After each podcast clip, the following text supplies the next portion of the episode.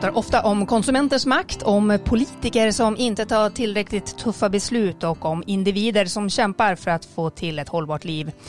Men var kommer företagen in och hur kan de vara en del av lösningen på klimatkrisen? Ja, det ska vi prata om idag här i Klimatekot. Jag heter Elin Leijonberg och med mig i studion har jag eh, Linn Haspel som är vice VD för Stjärna Fyrkant i Umeå och Kristoffer eh, Jonsson som är skadechef på Länsförsäkringar Västerbotten. Varmt välkomna till Klimatekot. Tack, Tack så, mycket. mycket. Tack. Hur känns det här då? Sitta spela in podd? Intressant och viktigt.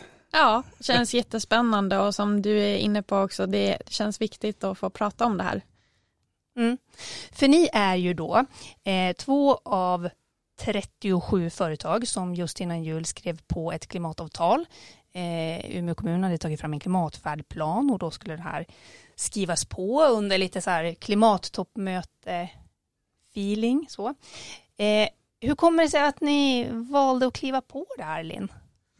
Eh, nej men eh, det, det, ja, det var så självklart så att eh, jag vet inte ens hur jag ska förklara det men eh, det, det är ju ett steg som vi tyckte var extremt viktigt. Eh, vi har ganska länge också påtalat eh, för kommunen att det ska ställas hårdare krav till exempel i upphandlingar. Eh, för, vi tycker att det har varit ganska, ganska låga krav egentligen. Så det här kändes ju som ett perfekt steg för hela kommunen att ta nästa kliv mot ja, men en mer hållbar stad helt enkelt. Eh, så att nej, jag kan bara säga det att det, det var extremt självklart att skriva på. Eh, och jag är jätteglad att det var så pass många som faktiskt valde att skriva på också i den här första svängen eh, och hoppas på att det blir ännu fler framöver. Mm. Länsförsäkringar då, var, var, varför skrev ni på? Jag har ju jobbat med människors trygghet och ekonomiska risker i eviga tider höll jag på att säga, men i vart fall nästan 175 år. En viktig del av systemet som, som gör att vi bygger trygghet ihop. Och hållbarhetsfrågorna och klimatomställning är ju också högt på agendan inom försäkring i det att vi ser också att de, bland annat klimatriskerna ökar och att vi kommer få ökade kostnader till följd av ett förändrat klimat och det behöver vi hantera ihop och det är ju just under rubriken tillsammans som vi gör det här nu då med klimatfärdplanen. Mm. Eh, och apropå det då, just tillsammans, vad spelar det för roll att man, är, att man går ihop så här, flera företag, organisationer, en kommun? Jag tror att det är helt nödvändigt om vi ska göra snabbare förändring än den som redan är påbörjad. Jag tänker att de flesta organisationer har redan idag ett hållbarhetsarbete som mappar eh, viktiga bitar av de här FNs globala mål.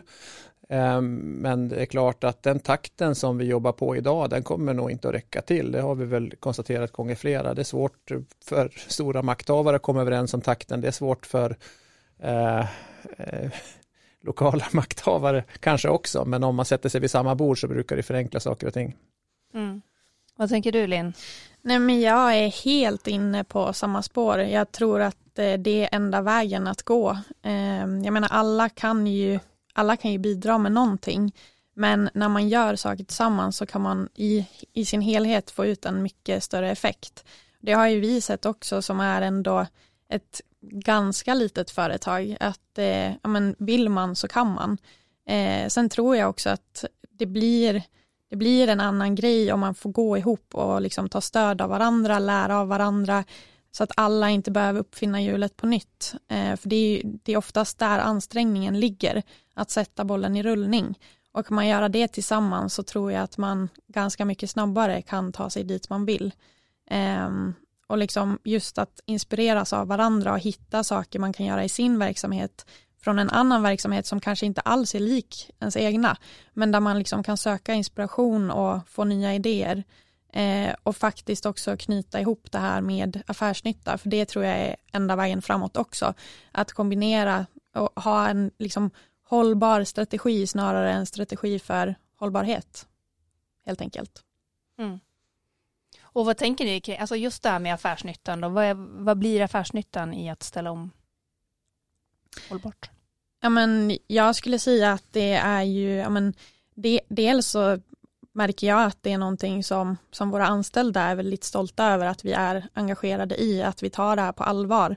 Eh, och likaså våra kunder, att eh, ja, men, när de handlar hos oss så vet de att eh, ja, men, vi gör det vi kan och eh, de, de har så lite påverkan på miljön som möjligt. Eh, sen är ju det en utmaning i vår bransch med liksom teknik och allting så. Eh, därför tror jag att det, det känns extra bra för våra kunder att de vet att allt vi kan göra, det gör vi faktiskt. Eh, och också hitta nya, nya affärer som faktiskt är eh, hållbara eh, och där man också kan tjäna pengar och i vissa fall spara pengar. Mm. Kristoffer, mm. Länsförsäkringar, hur, har ni, hur jobbar ni som, som bank och försäkringsbolag med hållbarhetsfrågan? Vilka liksom områden är det som blir viktigast för er? Jag skulle säga att vi har börjat, precis som många andra, med klassisk uppdelning i att, göra, att se hur vi kan driva tre parallella spår eller som, som går ihop till ett hållbarhetsarbete, det vill säga att vi har ekonomisk hållbarhet som en viktig del, hur vi placerar våra tillgångar. Bank och försäkring är typiskt sett tillgångstät verksamhet där vi behöver ta ansvar för hur vi förvaltar dels våra kunders pengar men också att vi erbjuder bra paketering som är i linje med hållbara syften. Och sen så har vi då eh, den sociala hållbarheten där eh, Länsförsäkringar Västerbotten har varit väldigt synliga i det vi kallar för återinvesteringar, att stötta lokalsamhället i olika initiativ som kanske utsatta grupper och minoriteter och andra eh, bra initiativ som, som egentligen leder till en bättre vardag för oss alla. Och sen har vi då det kla gamla klassiska, höll jag på att säga, men det som handlar om ekologisk hållbarhet, miljöarbetet, eh, där det som jag representerar då, vår försäkringssida och skadesidan, där vi är eh, jätteintresserade av att se hur kan vi förebygga eh, att skador inträffar, att vi får färre bränder, att vi får mindre vattenskador i fastigheter, färre trafikolyckor, allt det där som, som eh, dels minskar lidande för våra kunder men också eh, all den här miljömässiga materialåtgången då som, som krävs för att återställa brandskador och så vidare. Så att det är, det är ett brett, brett kluster, men jag skulle säga att vi har kommit ganska långt inom flera bitar, men att vi kanske har längre att gå när det gäller att det Linn var på, att göra det här till en identi stark identitetsfråga för företaget. För någonstans vill vi vara den attraktiva arbetsgivaren som leder i bevis varför vi gör skillnad för alla som har med oss att göra. Och, och där är vi nog inte hela vägen fram, även om jag vet att många av mina kollegor uppskattar mycket av det vi gör så har vi en bit kvar. Mm. För jag tänker nu, när du eh, nämner några av de här sakerna som inom ekologisk hållbarhet till exempel så är det mycket vad andra ska göra. Hur tänker ni kring liksom, ert eget ansvar som arbetsplats? Jag tror att vi har gjort även i det fallet, precis som alla andra, att börja i den direkta miljöpåverkan, vad vi kan göra, allt utifrån att hantera resursanvändningen smart på kontor och så vidare. Det vi har konstaterat via den intresseanalys, eller intressentanalys som är gjord, det är ju att vårt stora skop ligger i den indirekta påverkan, det som, det som då andra eh, råkar ut för.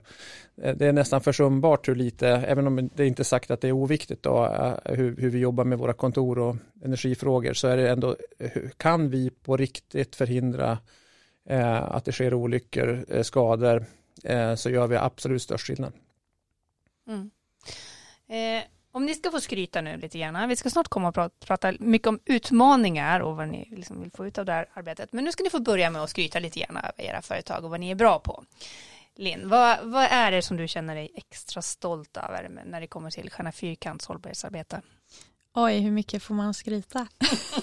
Ös på, det här är din chans. Tack. Nej, men det, det jag känner mig mest stolt över, eller ja, mest stolt och stolt, men en väldigt viktig del som vi har lyckats eh, få igenom det är ju att vi, vi har lyckats eh, eh få alla våra leveranser ut från oss eh, helt klimatneutrala.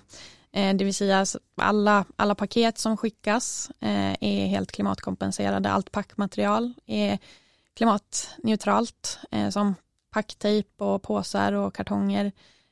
Men även när vi levererar inom Umeå och Skellefteå tätort så kör vi ut med, med våra elbilar. Och det är, det är fria leveranser till våra kunder och det är också för att vi, vi vill att de ska kunna känna att när de handlar hos oss så har de minsta möjliga klimatpåverkan. Ehm, så det är en väldigt viktig del. Ehm, sen så har vi också lagt ner väldigt mycket, mycket jobb på att eh, byta ut hela vår bilpark, eh, alltså våra poolbilar ehm, till enbart hybrider och elbilar. Där, där har vi nu lyckats eh, byta ut 50 eh, procent. Ehm, så det är också, det är också en, en viktig del för oss. Där ligger utvecklingen eh, på, på elbilarna lite, lite för, eller vad ska man säga, det går lite för långsamt med den utvecklingen så att räckvidden på, på skåpbilar är inte tillräckligt eh, lång än för att den ska vara tillfredsställande för vår verksamhet. Så att vi hoppas att det påskyndas så att vi kan ta oss i mål med det också. Eh, sen har vi också vårt eh, vårt koncept som heter Stjärnskogen. Och det är ett väldigt brett koncept men det, det är till både för, för våra kunder och våra anställda där man går in i olika projekt, eh, till exempel agroforestry-projekt eh, eller gå in där det, där, det, ja, men där det gör mest nytta just då. Um, så att vi har till exempel varit med och planterat träd i regnskogen um, i, i våras eh, och ja, men, kommer engagera oss i, i sådana projekt i våra kunders namn och i våra anställdas namn så att de, de verkligen känner att de är med och, och påverkar också. Kristoffer, mm. mm. vad säger du då? Vad, vad gör ni riktigt bra på Länsförsäkringen nu?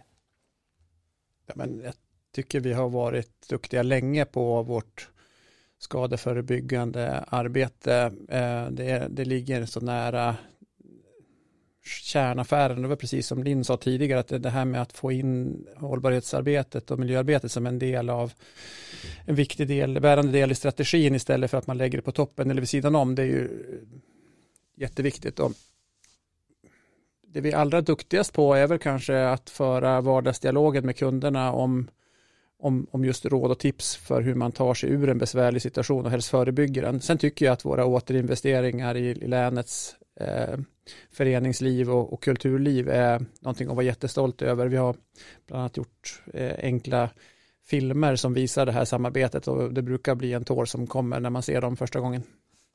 Hur stor skillnad det faktiskt gör. Så det tycker jag är coolt. Mm.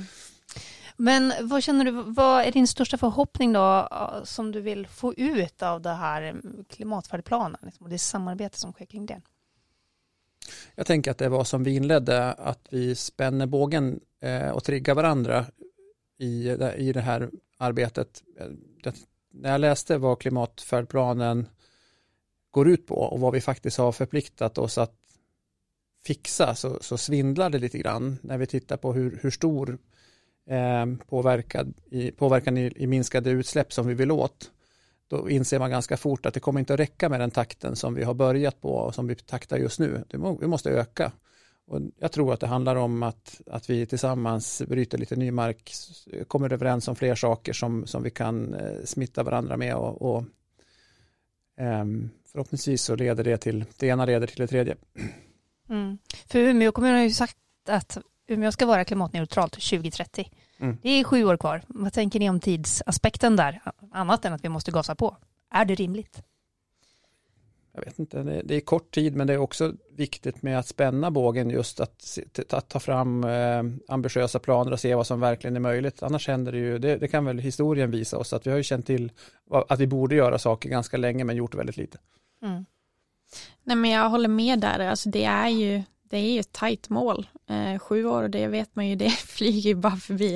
Eh, men, men jag håller med om att det, det är ju också någonting som förhoppningsvis sätter lite extra press eh, och ja, men, dels får igång de här som kanske inte eh, ens har börjat med sitt hållbarhetsarbete men också för de som faktiskt har tagit några kliv att ta ett extra kliv.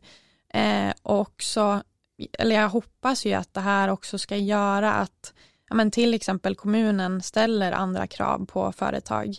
Eh, så att de företag som också tar de här kliven premieras på något sätt.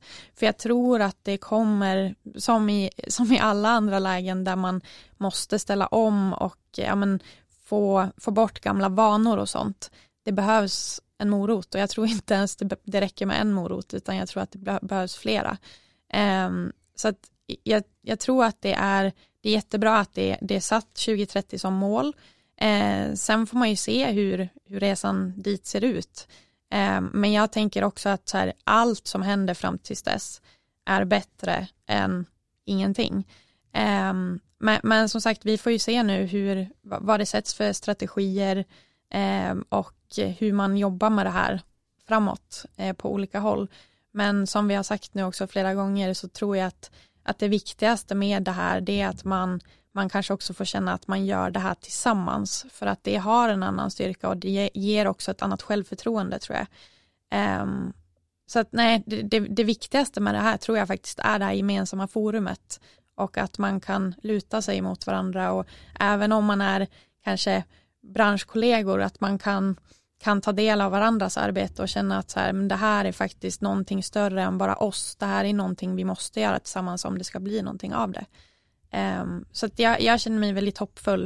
Uh, men ja, sju år, det, det är kort tid. Mm. Um, ni representerar ju väldigt olika storlekar på företag så att säga. Um, ett uh, stort företag och ett lite mindre. Liksom, vad känner ni att ni kan få ut av varandra i det här samarbetet? Det går ju väldigt mycket ut på att nätverka, utbyta erfarenheter och att samarbeta. Kristoffer? Jag tänker att, att det är oberoende på företagsstorlek så finns det en massa kloka personer som, som jobbar på de här eh, företagen och det är just i mötet mellan personer som det händer grejer. Um, jag tycker i det här sammanhanget Umeå klimatfärdplan, det, det coolaste jag varit med på det var just en sån workshop på Skarinska villan med just en salig blandning av representanter där jag slogs just av det, var många häftiga personer det finns som, vill, som verkar vilja samma sak, fast man jobbar med helt olika grejer. Det är en bra förutsättning. Mm. Vad tänker du? Nej men jag, jag håller faktiskt helt med dig. Det var, det var magiska saker som hände i den där villan. Eh, man märker också att det, det finns, eh, men som du var inne på, det, det, oavsett vilket företag man kommer ifrån, oavsett storlek, oavsett bransch, eh, så står vi ju inför samma utmaning. Sen kommer man måste ta sig an den utmaningen på olika sätt beroende på hur verksamheten ser ut och vilka förutsättningar man har. Um, men jag tror också att det är jag, jag, tror att alla verksamheter, oavsett om det är en liten verksamhet eller en större, så sitter man på, på massa guldkorn som man kan ta vara på från varandra. Eh, så jag, jag, tror inte alls att det att, att kraften liksom sitter i hur pass stor man är utan kraften sitter i viljan och de individer som finns på företagen och som kan lyckas eh, få det här att spilla över på fler personer och få fler engagerade för att det är i slutändan det engagemanget som, som kommer göra skillnaden eh, tror jag. Mm. Ni har båda nämnt här att det var, det var magiskt, det hände någonting där på Skarinska villan. Nu måste ni berätta om det här för alla som inte var med kan nog inte dra hela, hela workshopen, men det börjar ju väldigt coolt tänker jag med att man kommer och samlas kring ett bord, ett gäng okända personer för varann och, och den första frågan är vad, vad Umeå betyder för mig som privatperson, inte någonting om, om vad jag jobbar med eller vad, vad ja, mitt, mitt bolag ska bidra med, utan just utifrån ett privat perspektiv. Och det blir ju just nära då eh, att man öppnar upp lite grann av sitt privata jag som ju skvallrar en del om vad man går igång på såklart. Så jag tänker att det var ett ganska fint möte det där och se att helt hux flux var vi igång med ganska intressanta diskussioner om, om den här stan och vårat, våran plats på jorden och hur vi ska liksom se till att det finns någonting kvar av den längre fram. Mm. Mm. Nej men det blev verkligen ett smakprov på att så här, ja, men här, här sätter vi massa olika individer som inte har någonting med varandra att göra eh, vad kan vi göra för bra saker tillsammans? Och eh, det, det visar sig ju att, att man även att man är helt skild från vad man håller på med så som sagt som vi har varit inne på man har samma mål och liksom man, man vill ta sig framåt allihopa och liksom nysta i det här. Vad kan respektive person som privatperson men också som företag bidra med? Och vad, vad kan man göra av av den blandningen. Ehm, så det var väldigt häftigt att se och det var, jag håller med dig där att man glömde ju som bort lite grann vem man var höll jag på att säga för att det blev så himla mycket fokus på bara så här vart vill vi och vad kan vi göra tillsammans. Ehm, så att jag tror att den typen av forum kommer kunna, ehm, men det kommer möjliggöra att man hittar vägen framåt. Eh, så. Mm. Det låter rätt häftigt. Det låter som att ni, har, ni är någonting på spåren på riktigt. Mm.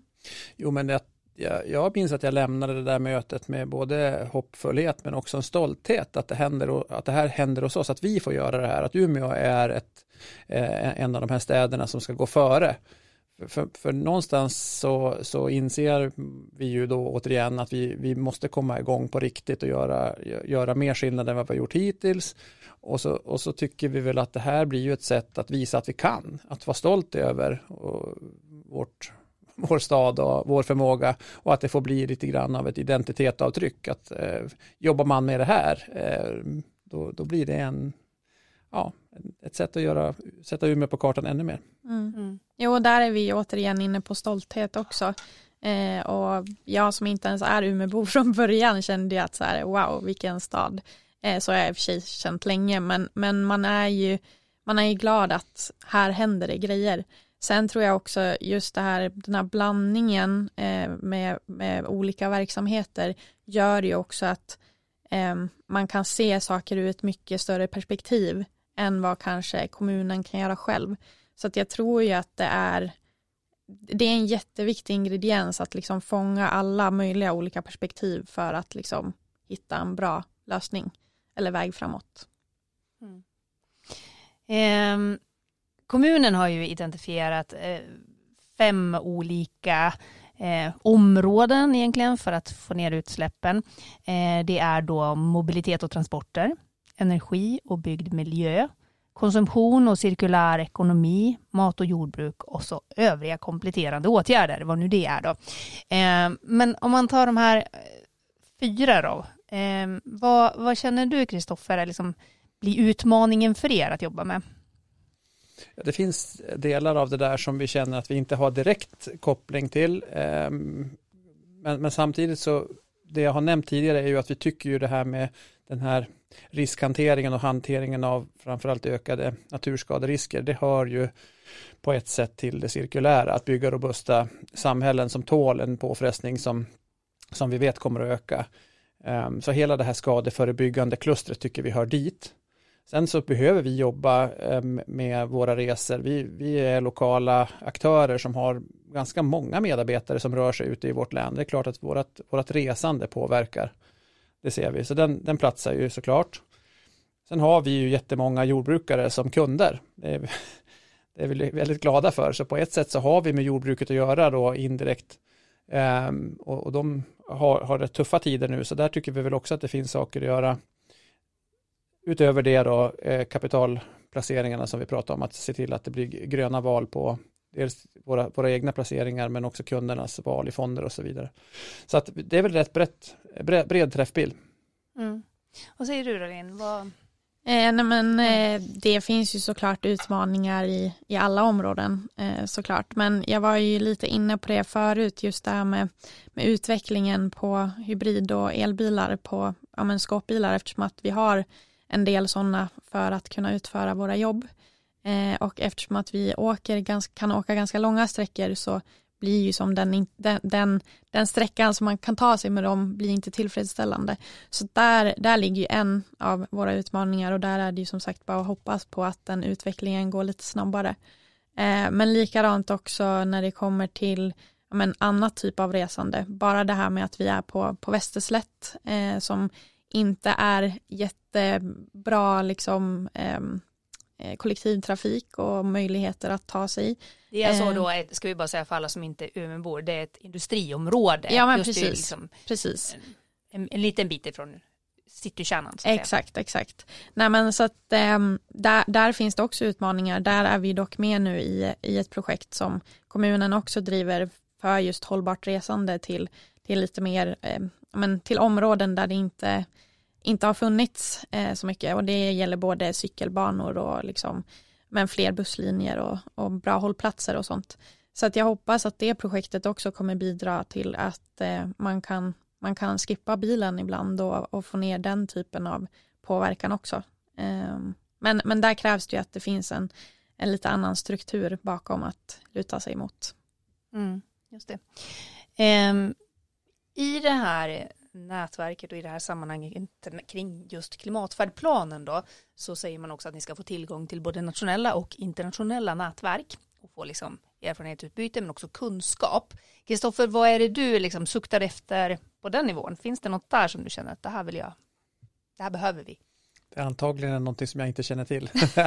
Men eh, det, det, jag kan säga om nätverk för att ta ett exempel mer, mer nära och, och verkligen lokalt det är ju att vi har ett ett, eh, rätt häftigt nätverk kring hållbart byggande igång redan. Eh, och, och, det ser vi ju, det, det var innan klimatfärdplanen, eh, så, så konstaterar vi att ambitionen att få till återbruk för Eh, byggvaror, byggvaror, ge byggvaror ett cirkulärt liv, det delade vi ihop rätt många aktörer. Så det var ett jobb som har påbörjat eh, sen, ja, nu är det något år tillbaka. Eh, och nu är det ganska nära att vi är uppe och kör. Och när, när då klimatfärdplanen kom till här så sa vi att titta vilken jäkla tur att vi började då i tid så att vi har åtminstone någonting som vi kan med relativt kort sikt sjösätta och säga att här har vi gjort skillnad tillsammans. Och det är ju nätverksförmåga det också, när man sätter sig ner ett antal aktörer och tittar på en gemensam utmaning som man lite oberoende av varann delar. Mm. Har du någon så här eh, internationell kunskap som du suktar efter eller något du hoppas få ut på tillgång till där? Nej men jag tänker att så här, oftast så eh, är man ju inte först på bollen. Det är oftast någon som har gjort någonting förut. Eh, och eh, vart, vart den personen finns, det kan ju vara vart som helst. Men jag tror att alltid liksom grejen med nätverkande oberoende av liksom hur, hur pass brett det blir eh, så är det ju tänker jag ofta i sådana forum som idéer också föds. Alltså den här synergin mellan olika individer som sitter på jättebra tankar men tillsammans liksom skapar ja, men lite magi. Eh, så att jag är jättespänd på det för jag tror ju att bra idéer finns överallt så att det är väl jättebra om det finns en kanal in så att man verkligen breddar sig i sitt perspektiv och men ja, hittar igen sånt som man inte visste fanns. Eh, nej, just nätverk, det är, jag, jag tror väldigt hårt på det. Eh, och kan man få internationella inslag där också så, så tror jag att det bara är positivt. Mm. Jag tänker nu så här, inför, det blev ju otroligt tydligt inför det här valet som var eh, hur näringslivet blev pådrivande i eh, klimatdebatten eh, och verkligen ville ha högre krav och sådär. Eh, vad beror det här på tror ni? Liksom att helt plötsligt så är det näringslivet som driver på och liksom vill ha hårdare regleringar mot sig själv medan politiken fegar ur lite grann. Jag tror lite grann att det är så här, men som jag var inne på förut också, för att liksom orka orka eh, göra den här omställningen och för att orka ändra på vanor och mönster som man har så behöver man nog både lite piska och lite morot. Eh, så jag tror att mycket handlar om det och att man inser eller att många företag också har tagit sig en bit och känner att så här, okej, vi gör det här, eh, men vad gör alla andra? Det här är någonting vi måste göra tillsammans. Eh, så att jag tror att det ligger en kraft i det också, att någon måste börja ställa hårdare krav för att alla ska följa med och för att vi tillsammans ska kunna uppnå det vi, vi vill. Så att jag tror att det ligger en enorm kraft i de företag som känner att man verkligen lägger ner sin själ i det här och vill få med sig de andra. Och då, då behövs det en tydlig kravställare tror jag.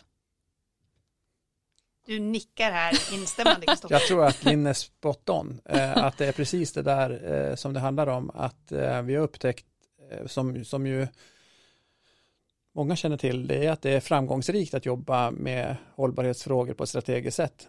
Eh, och att det nu eh, har börjat ta fart på det sättet att företag är nyfikna på nästa steg och vill ställa högre krav. Mm. Både på sina branscher men också på samhället i stort. Och där tror jag man, det, det, är mycket frustration i varför man nu inte på, även på global nivå eller på EU-nivå eller vilken nivå vi nu pratar om, att man inte kommer ihop sig lättare och säger att det här kan vi enas om. Då blir det en motreaktion, det vill säga att vi kan gå före.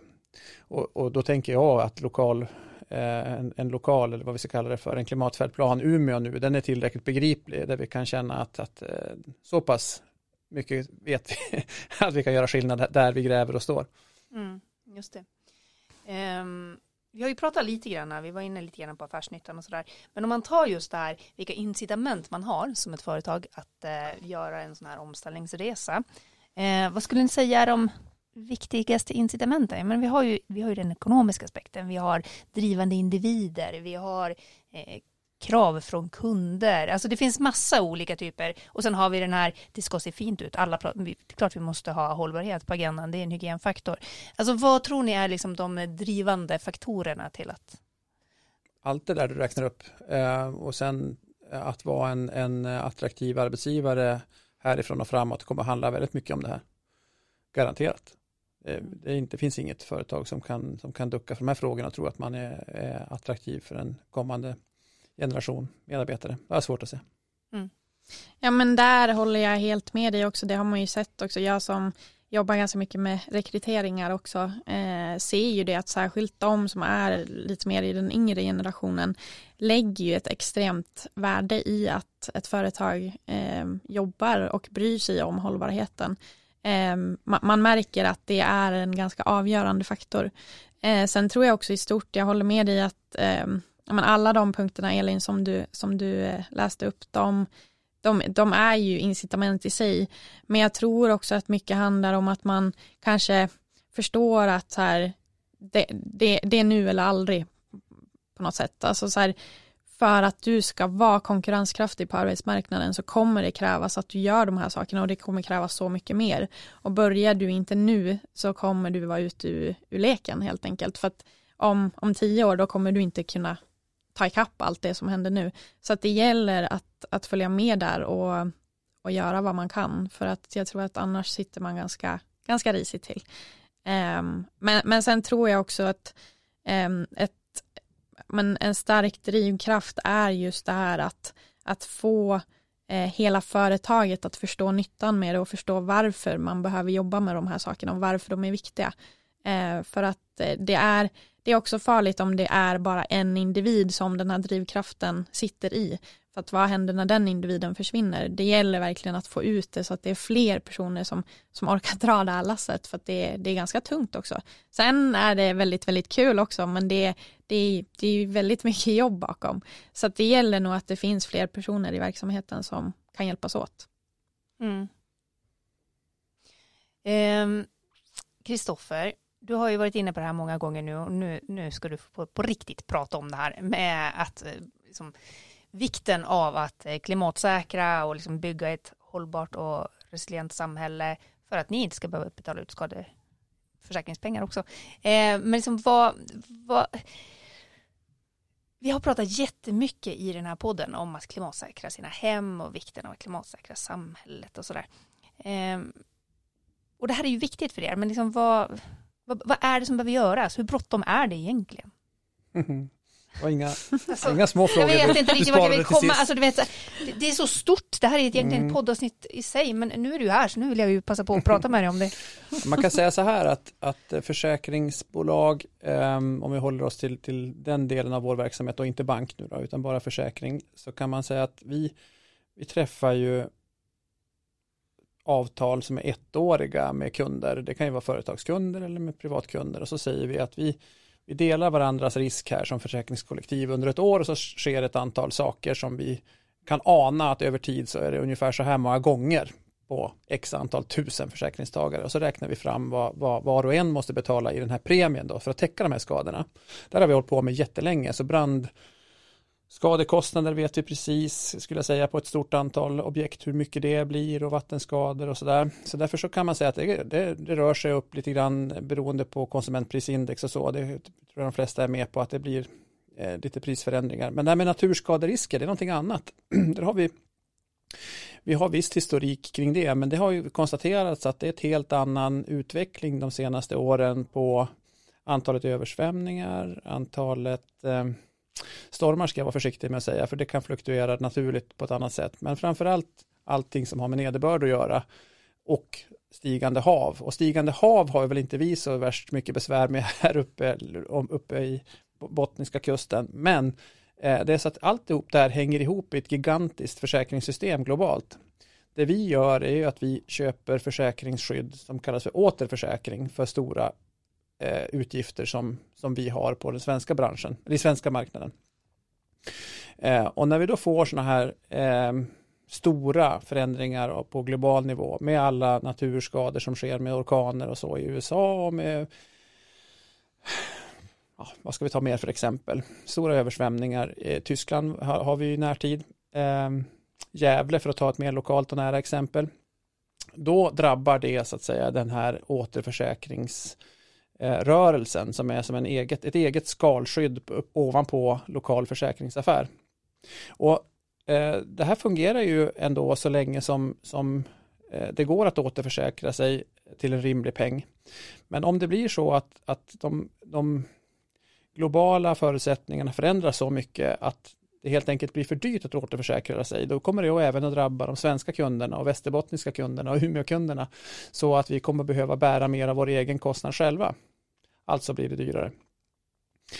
Det är en aspekt. Det andra är att våra system för att hantering av eh, framförallt ska jag säga så här, bostäderna som vi bor i är väldigt känsliga.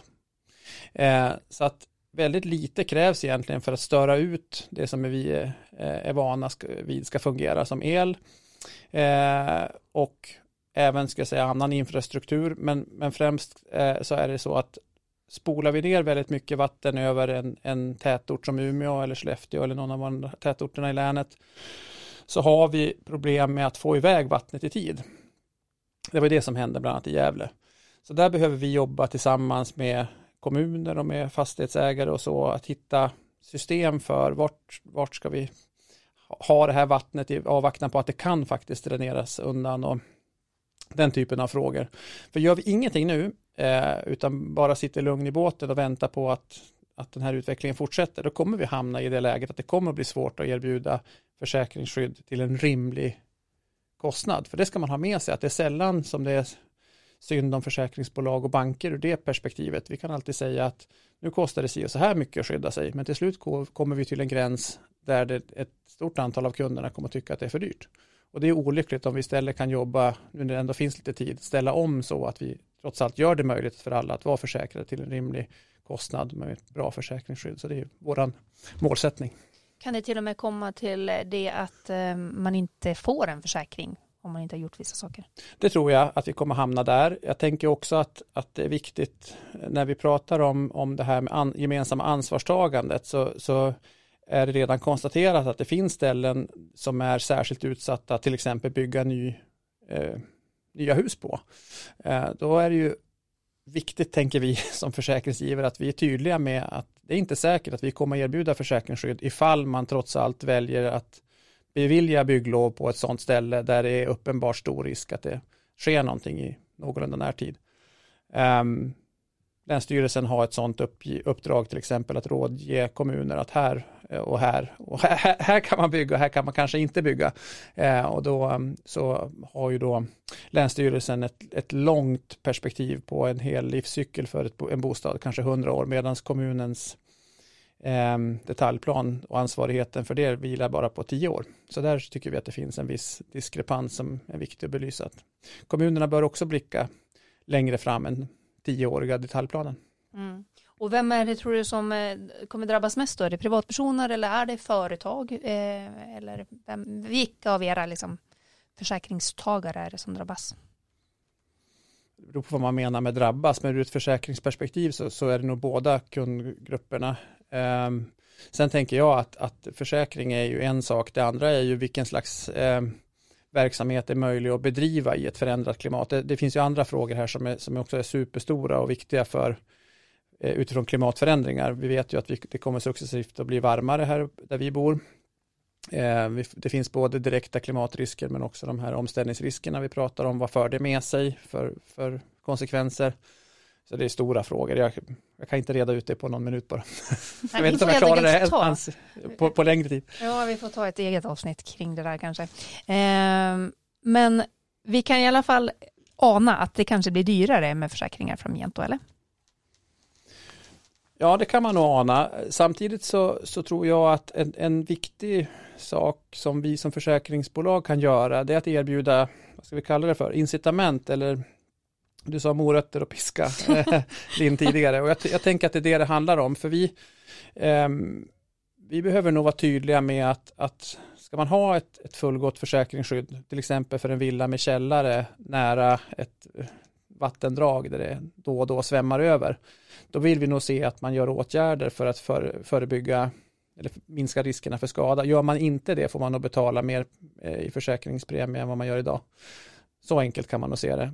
Sen är det möjligt att vi undantar försäkringsskydd eh, helt och hållet på, på, på ställen där det, är, där det är alldeles för stor risk för att någonting ska hända över tid. Det, det, där är vi inte idag. Men försäkring bygger ju på att någonting väldigt plötsligt och oförutsett ska hända. Det är så vi har, har byggt upp hela det här systemet och delar varandras risk. Jag står din risk och du står min på, på, på någon slags lika rättvisa perspektiv. Eh, och då vill man ju när man är med i ett sådant försäkrat kollektiv veta att någorlunda rättvist är det då. Mm. Så så tänker jag att det blir mer transparent. Som de flesta andra marknader så kommer försäkringsmarknaden också bli mer transparent och vi behöver synliggöra för alla kunder hur, hur stor del, eller liten deras risk är och varför man betalar som man gör i försäkringspremie också. Mm, just det. Okej, vi lämnar själva försäkringsbiten. Det här var ett litet så här sidospår. Som, vi har varit inne på det här så många gånger i klimatekot men aldrig rätt ut saker. Eh, I alla fall, om vi återgår då till klimatfärdplanen eh, här och eh, ni har ju väldigt nyss kört igång sådär med det här arbetet. Men jag tänker, har ni redan nu fått någon sån där aha upplevelse? Men gud, varför har jag inte tänkt på det? Det kan ju vi också göra. Från någon annan som är med. Nej, inte ännu. Eh, nu vet jag att eh, första strategiska mötet kommer hållas 30 mars tror jag att det var. Eh, så att vi får väl se vad som händer då, men jag tänker att det kanske blir en, ett litet avstamp där då. Mm. Eh, så. Har du någonting annat som du kommer på? På den här fina premiärdagen eh, när klimatfärdplanen undertecknades så satt vi kvar några stycken och, och snackade lite grann och då hamnade jag eh, tillsammans med en person från regionen som berättade att regionen minsann har gjort ett ganska stort jobb när det gäller att framtidssäkra sin drift kopplat till eh, just översvämningsrisk i Umeå. Och då, då tänker jag att det hade jag aldrig vetat om inte jag var just där och just i det sammanhanget och fått tillfälle att prata om det, vad jag gör på mitt jobb och vad jag funderar på. Och då visar det sig att det finns ju superstora aktörer som har tagit jättestora kliv här i Umeå utan att jag visste om det. Mm. Som jag tror kan, kan visa andra hur, hur man ska tänka. Mm. Just det. Avslutningsvis då, eh, nu vill jag att ni går lite djupare än vad ni hittills har gjort eh, och med handen på hjärtat. Era respektive företag. Vad är det ni egentligen skulle bli, bli bättre på som, som ni faktiskt kan påverka också och som ni skulle kunna påverka ganska snabbt? Linn? Oj, ganska snabbt också eh, dessutom. Eh, ja, men kanske inte så här att det är klart ganska, alltså nu imorgon, men att du kan som ändå, du har mandat att kunna påbörja ett arbete så att säga. Oj, vad svårt, men jag tänker att eh, ja, men ett, ett steg är ju eh, men jag pratade ju förut om att leveranserna ut från oss eh, har vi sett till nu så att de är klimatneutrala och eh, man skulle ju gärna vilja se att, att, liksom, att det var det som kom in från oss också, eh, eller till oss, förlåt, inte in från oss utan in till oss. Eh, det hade varit jättefint att liksom få hela, hela kedjan att bli eh, neutral, men där, där ligger det ju också väldigt stora utmaningar med att många eh, leverantörer finns det bara, eh, ja, men i vår bransch finns det bara två leverantörer på vissa saker eh, som då också är väldigt stora och väldigt svåra att påverka. Eh, så där skulle man ju behöva vara flera stycken för att liksom ställa lite, lite mer krav, men, men det är också ett jobb vi, vi eh, har påbörjat och kommer fortsätta lägga mycket krut på. Ehm, för där ser jag också Ehm, det skulle göra extremt mycket skillnad om man fick till det. Eh, sen, sen, vet jag inte, det, det kanske inte är riktigt svar på din fråga för det är ingenting som kommer gå jättefort men, men det är någonting som, som ligger nära nu och som man kommer ha mycket fokus på eh, framåt. Ehm, mm. mm. Kristoffer? Mm. Det var ju så tur att Linn började prata för då hann jag tänka. eh, det, var, det är en svår fråga och jag tror att det viktigaste vi kan göra på kort sikt är att få fler att, anställda hos oss då att greppa fler delar av vårt hållbarhetsarbete eh, så att vi kan jobba lite bredare eh, ihop. Du sa det ju också tidigare Linn att, att det får inte bli ehm, en eller ett par personers verk, då blir det ganska skört. Det handlar ju om att få styrkan i, i att många är med och drar lasset på ett bolag och jag tror att just Länsförsäkringar har ju jättemånga medarbetare. Vi har ju det som, som har att göra med kunder dagligen och då behöver vi vara jätteduktiga och veta på vad, vad vi, vilken skillnad vi gör så att vi också kan dels stämma av med kunderna i vardagen om det är rätt ute men också eh, berätta för våra kunder i vår tur då, vad de också kan vara med och bidra till. Då blir det ju verkstad på riktigt. Då blir det verkstad på riktigt. Och det är ju verkstad på riktigt vi vill ha, eller hur? Stort tack för att ni kom hit och var med i Klimatekot. Tack så jättemycket. Tack.